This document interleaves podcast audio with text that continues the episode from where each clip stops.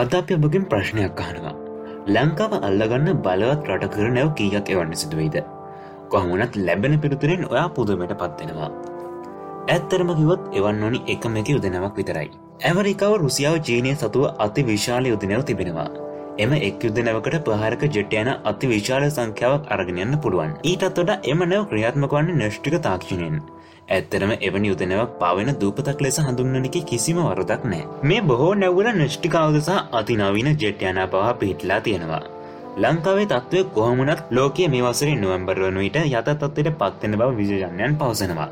සමහරට දින පොඩ්ඩත් එහා මෙහාවෙන්ට පුළුවන් ඇතැම් බුද විචචන්නයට අනුව ලෝකේ නර්ගම කාලය උදාවෙන්න ඉන් පසුවයි මොකද ඇමරිකා සහ නේටෝ සංවිධානය රටවල් චීනෙන් පලිගන්න හිතාගෙනන්නවා. ඇමරිකාන කෘත්තිම චන්ද්‍රිකා දැනටමත් චීනි කෙරී අවධානින් තමයි ඉන්නේ.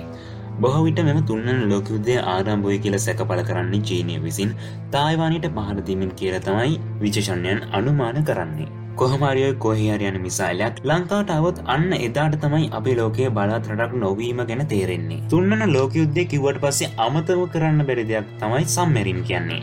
බලවත් රටවලට තියෙන සම්මරින්වලට නෂ්ටික පහර එල්ලකිර හැකි නෂ්ටික මිශාල පව තිබෙන බවට සඳහන්නවා ඒ වගේම රුසියාව සතු සම්මරින්වට විකිරණ ශීලී සුනාමි ඇති කරන ටෝබිඩෝ එල්ල කළ හැකි බව සඳහන් වෙනවා තුන්වන ලෝකයොද්දිදි ආමත කරන බැඩ දෙයක් තමයි ඒ අයවත් කෘතිම් බුද්ධිය කියන්නේ බලවත් රටවලට දැන්ටමත් රුබවරුන් හදන්න පටන් අරන් ඉවරයි කොහමරි ලංකා දේශපාලනයන් කරන්න හදන්නේ පිටරටකාර ලංකාවට ගෙන්න්න ගන්න හදන එක තමයි. ඉතින් අපිට කියන්න තියෙන්නේ එවන් අසිටිමත් ජාතිය ජයන් උදාරයි කියලා තමයි. ඒ වගේම ඔවුන්ගේ ජෙට්්‍යයන කෘතිම් බුද්ධෙන් සමන්විතලා තමයි තියෙන්නේ.